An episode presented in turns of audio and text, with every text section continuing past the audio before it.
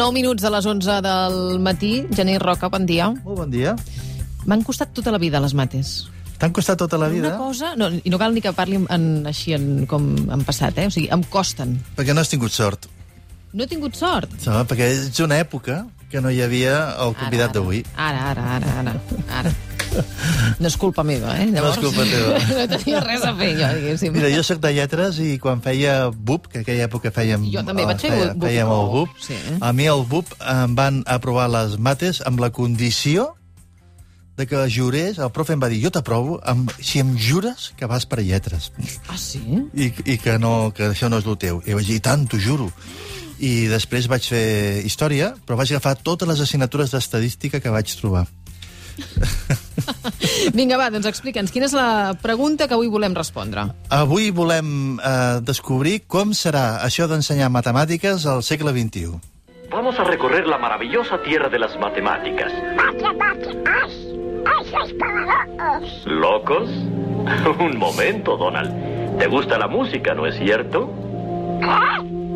Bueno, sin matemáticas no podría haber música. Ven, vamos a la antigua Grecia durante el tiempo de Pitágoras, un gran loco, según tú, Pitágoras. el padre de las matemáticas y la música. Matemáticas y música.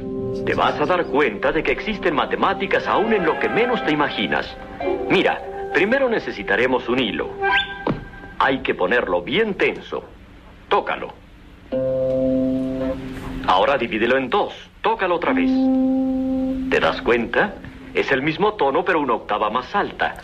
Jo és que ni música ni mates, eh? Jo aquí el, el, en Donald no hagués fet res amb mi tampoc, eh? Diuen que és el mateix, no? Que la música és un llenguatge matemàtic, en el fons. Sí, sí, doncs... Uh...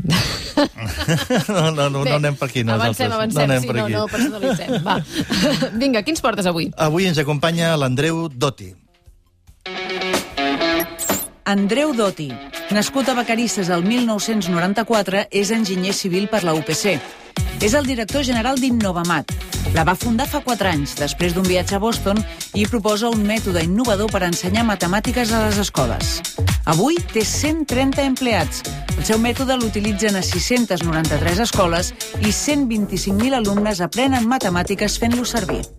I did my best to notice when the call came down the line. Andreu, bon dia. Bon dia. A veure, 693 escoles, això vol dir 125.000 alumnes que fan servir el teu mètode, eh? Sí, justament la paraula mètode és una cosa que ens agrada fugir. Perquè... Com li diries, com li diries, va? Li diem proposta. Al final el que intentem és portar recursos de, de molta qualitat pel, pels mestres i pels infants, però que sempre el, el mestre tingui l'última paraula per, per portar-lo a l'aula. Però Val. ens agrada fugir de, de la paraula mètode. Doncs cops. aquesta proposta, per, per què és necessària? D'on surt la idea? Perquè Sí. vol dir que trobaves a faltar una proposta més adequada per ensenyar les matemàtiques? Sí, sí. Uh, ju justament va coincidir quan estàvem acabant la universitat i estàvem fent un altre projecte abans del 2017, que no era ben bé innovat, que era més d'extraescolars, i veiem que estàvem intentant canviar coses des de fora de l'escola, quan en l'escola, la gran majoria d'escoles, que, que cada escola és un món, que és molt difícil generalitzar, uh, hi havia moltes coses que fèiem de forma molt semblant de les que jo havia fet, no? Doncs presentar algoritmes que els infants no entenen i, i memoritzar-los, hi havia poca resolució de problemes, poc raonament, hi havia poca conversa, i creiem que hi havia un marge, no?, per intentar ajudar les escoles en aquest sentit, en, en, el, en intentar construir unes matemàtiques molt més útils per la vida i molt més significatives. Però si dius que cada escola és un món, cada alumne també és un món. Sense dubte. Aleshores, Sense aquesta dubte. proposta vostra eh, Aquesta s'adapta també? realment té tres grans objectius. Una és intentar ajudar les escoles i els alumnes a construir les matemàtiques d'una manera molt més manipulativa. Això és a, arribar a tots els alumnes perquè toquin. La segona és intentar ajudar els alumnes, els infants, el, els mestres, a, a construir les matemàtiques molt més competencials, no tan fixades amb el contingut, sinó molt més fixades amb els processos. I la tercera, justament aquí tenim molt marge, no? intentar ajudar en la personalització de l'aprenentatge portar, portar recursos per intentar ajudar els mestres, que han sigut el, els responsables no, de, de, de, de la personalització, per, perquè tinguessin més eines per fer-ho. Aquesta, aquesta gent, aviam, això fins ara com funcionava? Fins ara una escola tenia un equip docent eh, cada cop més amb un projecte, una manera de fer en aquella escola, i es recolzaven amb uns materials didàctics. I els materials didàctics eh, havien sigut tradicionalment propostes que venien d'un editorial. Uh, quan això, uh, en tot això d'Escola Nova 21 i aquestes coses, es va canviar una miqueta i es va dir, en lloc d'agafar uns materials didàctics, el que hem de fer és treballar per projectes i que en les aules sí. hi hagi dinàmiques i activitats, sí. etc. I aquesta gent, la gent d'Innovamat, neixen en aquest context i diguéssim que neixen, eh, jo, jo seré més agressiu, tu després Andreu arregla-ho, eh, neixen contra el llibre de text i el que proposen és una manera diferent d'acompanyar els professors en l'exercici de donar aquella disciplina. Llavors, és com si es posessin al servei del professor perquè sigui capaç d'oferir una atenció personalitzada a l'alumne. Llavors li ofereixen itineraris, activitats... Eh, llavors hi ha, hi ha coses que es basen en, en, en, en online, en software, però també hi ha fitxes manuals, tot allò que necessites per poder ensenyar mates i després el nano té, per exemple, exercicis d'autoavaluació i té, té diferents eh, tècniques o, o solucions perquè realment sigui personalitzat i el nano també participi d'això. I ara mateix, a Catalunya, infantil i primària, un de cada quatre nens, que és molt bèstia, eh? 25%, un de cada quatre nens a casa nostra està estudiant mates amb, amb la proposta de l'Andreu. És això? Esteu contra el Sí. llibre de text? No, no, bueno, si voleu, ho matitzo una mica. No és la meva proposta, som molts, som 130, jo ja a casa co- cada cop puc fer menys coses, perquè al, al final som un equip molt gran i, i tenim gent molt bona en el món de la didàctica i, i, i els escoltem molt. Al final, no és una lluita contra el llibre, no és l'objectiu. Al final nosaltres creiem que el llibre pot ser un bon recurs, però no el recurs únic. No? Nosaltres en cap cas volem lluitar contra el llibre. Al final és, són diferents recursos i nosaltres portem una proposta on portem tot tipus de recursos menys un llibre de text. No, no hi ha un espai on el coneixement queda emmagatzemat uh, pel infant. Creiem que en el segle XXI, que així es diu el, el nom del programa, Sí. el, el coneixement és molt més accessible. Sinó el que hem de portar és recursos pels mestres, que nosaltres fiquem, portem molts recursos pels mestres, una gui- guies didàctiques amb activitats amb molt potents didàcticament, material audiovisual, eh, formació pels mestres, viva, no inicial, contínua, i també recursos pels, pels infants que només un dia a la setmana, dels 4 o 5 dies que poden fer matemàtiques a, a l'escola, necessitaran una tablet, només un dia a la setmana.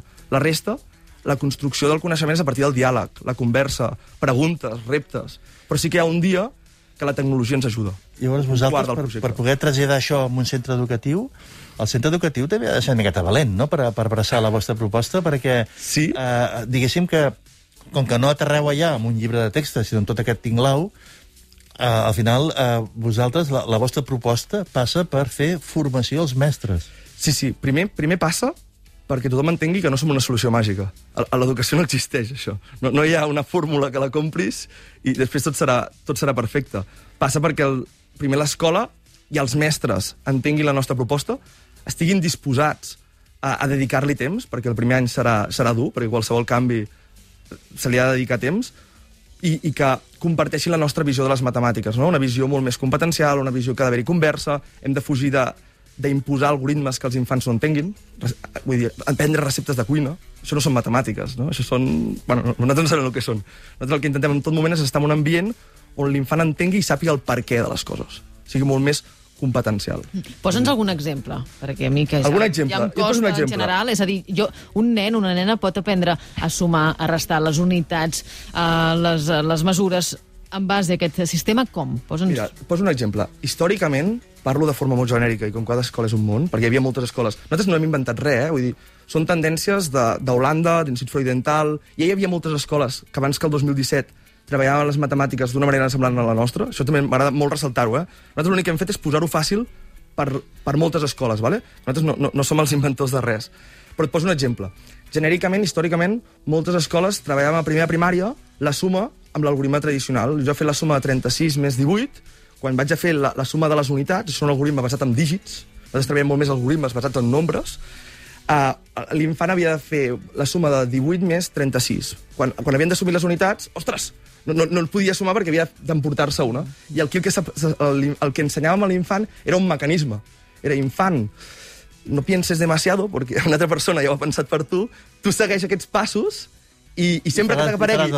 Sempre, que t'aparegui aquesta imatge, no pensis. No pensis, no pensis. Vull dir, sempre que t'aparegui aquesta imatge, aplica aquesta recepta de cuina. I ens passàvem temps i temps matxacant aquesta suma perquè l'infant l'entengués. Nosaltres com ho feu? 36 més, trenquem, 36 més 18, com ho fas? trenquem. Ho farem de moltes formes diferents. El guai serà tindre diversitat d'estratègies i que l'infant sigui competent en cada moment per saber quina és la millor. Una molt xula és, jo em, em faig una recta numèrica, em dibuixo una recta numèrica, i em situo el 36. I ara haig de sumar-lo 18.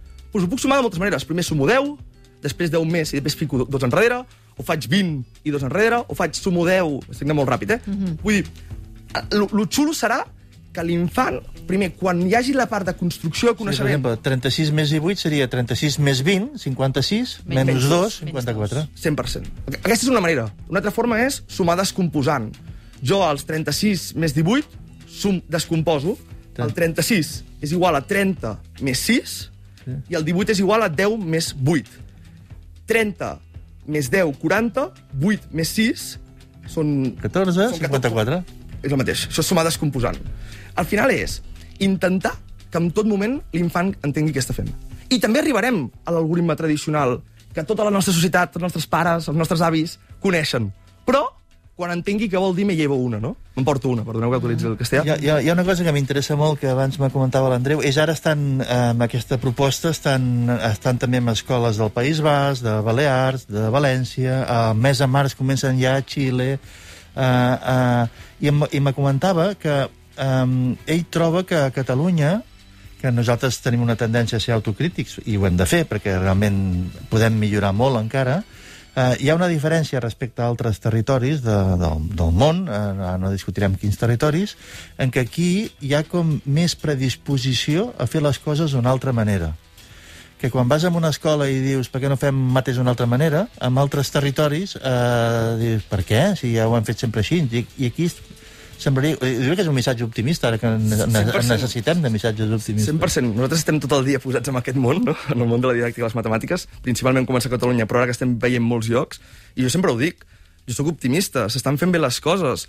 I, en, per exemple, a Catalunya tenim un teixit associatiu de, de professors de matemàtiques que s'associen i que fa anys que estan promovent aquest canvi. Tenim un, un organisme públic com és el CREAMAT, que també fa anys que està intentant ajudar les escoles en aquest sentit, i quan vas a altres llocs pots veure que estan a 6-7 anys, encara no hi ha una necessitat de canvi. Estan còmodes eh, mecanitzant algoritmes, treballant amb el llibre text. En canvi, aquí a Catalunya, abans que nosaltres ja apareguéssim, ja hi havia tot un... Hi ha hagut moltes iniciatives que estan promovent. Això no vol dir que el, que el marge encara pot ser... Queda molt per fer en, en, en l'educació, eh? molta feina. I necessitem molta inversió pública. Però, però, queda, però no estem tan malament. I aquesta proposta vostra la poden fer servir les famílies a casa, també? Molt bona pregunta. Nosaltres, des de l'inici, ens hem centrat 100% a les escoles. Nosaltres, al final, som una proposta on, on ens centrem molt amb el mestre i que el mestre porti, sigui el que tingui l'última paraula per portar-ho a l'aula. Nosaltres no li imposem res, no som un mètode maestro, a partir d'ara no pienses, no? Uh, mestre, uh, uh, tu ets el que tens l'última paraula. Però des de fa poc hem, hem començat una altra iniciativa que es diu BIMAZ, que és B alta Math, amb, amb H final, on és un espai de recursos didàctics per famílies, on hi ha uh, tota una part de bloc amb reptes per fer en família, on hi ha tota una, una app per fer a casa, on té una part gratuïta i una part de pagament, i on també hi ha una part de, de, de botiga perquè les famílies puguin comprar aquest material manipulatiu que si no no el podien trobar. El mateix material manipulatiu que tenen a l'escola el poden trobar per casa. I per fer servir aquesta, aquesta aplicació i aquesta proposta cal que les famílies, és a dir, els pares i les mares, recordin com funcionen les matemàtiques? Intent... Nosaltres creiem Estàs veient ja si podries, no? Nosaltres- Home, és que la resta portant-ne Cre creiem m'ha que... portat feina a casa. pues, nosaltres creiem... Però eh, això hauríem de veure a quina escola ja estan els teus fills. I, Pensa, i pensa, si pensa que ara mateix la Laura té un punt d'esperança. Dos punts d'esperança tinc. La, la, la resposta és que sí, sense dubte. Vull dir, hi ha una, una feina que encara no, no, no sabem com arribar-hi, que és arribar a la resta de la societat que no està a l'escola, no? Que és com també els hi podem fer transmetre que un bon matemàtic no es passarà tot el dia calculant o no es passarà tot el dia uh, buscant figures geomètriques. Un bon matemàtic a la societat, que això també és un, un dels propòsits que ens mou, no? que d'aquí uns anys hi hagi molt més infants, molts més, molts nenes, molts més nens que vulguin estudiar carreres científico-matemàtiques, un bon matemàtic és una persona que resol problemes, que busca regularitats, que busca patrons. És una persona que està molt més definida per les competències, no? per, per la resolució de problemes, i, i creiem que això també ha d'arribar a la resta de la societat. Hi ha una cosa que m'interessa molt de la vostra proposta, que sembla normal i no ho és, i és que només fan matemàtiques. O sigui, 130 persones treballant en un projecte per només fer matemàtiques, quan fins ara el model era soc un editorial de llibres de text i faig tot el temari de primària. Faig història, faig llengua, faig matemàtica, faig ciències naturals, faig humanitats, faig tot. No, no, i- I vosaltres feu només un. Això sembla, sembla obvi, però no ho és. És tot És una que- decisió. Eh, Jo faig només matemàtiques. Sí, i, i no és que no treballem, eh? Vull dir, no. algú podria pensar, som tants, per què no? No, no, intentem treballar molt. La qüestió és que com més saps d'un tema, més et dones compte que ets ignorant, no? Vull dir, al, centrar-nos tant en les matemàtiques, ens queda molt per fer, i encara creiem que ens queda molt el, el només estar especialitzat en les matemàtiques, eh? I, i fem tants recursos diferents, intentem fer-los en tanta profunditat, que, que anem justos i tot de gent. Això, això vol dir que quan jo, m'he d'imaginar com és l'ensenyament al segle XXI, sí? i sabem que volem anar cap a un ensenyament personalitzat, perquè el meu fill té mm, més soltura per les matemàtiques i menys per la comprensió lectora, o al revés, etc. Tu, amb aquesta eina, m'ofereixes una, una possibilitat d'oferir un seguiment personalitzat amb l'aprenentatge de les matemàtiques, això genera una informació que la té l'aula, la té el centre educatiu i la té el professor i la té la família de com el teu fill o el teu alumne està evolucionant eh, amb el tema de les matemàtiques, però després hi haurà una altra solució semblant per la història, una altra solució semblant per la geografia, una altra solució semblant, i que totes aquestes solucions han d'anar a un lloc comú on te tens la mirada de conjunt del nen? Ho estic liant o...? Sí, és complicat, perquè no és tan fàcil, l'escola és molt complexa, no? Nosaltres només anem a ajudar una petita part, que són les matemàtiques. Dintre les matemàtiques és molt més, al final... Sinó que Però, nosaltres... però el meu fill ha de fer matemàtiques i ha de fer literatura. Sí, però també hi ha una tendència que nosaltres ens agrada molt, que és el treball globalitzat. Nosaltres creiem que hi ha molta part de, de, del que s'ha fet fins ara de forma estanca que es pot globalitzar. I nosaltres creiem això i ho defensem i ens encanta treballar amb les escoles que treballen de, form, de forma globalitzada. Però sempre trobant, nosaltres que coneixem molt les matemàtiques, sí que les matemàtiques, no sabem nosaltres en el cas de la història, en el cas de la llengua, en el cas de les ciències, no ho sabem perquè no som experts, nosaltres sí que sabem que en el cas de les matemàtiques dedicar-li un espai del llarg de la setmana de l'escola de treballar-les de forma específica és important.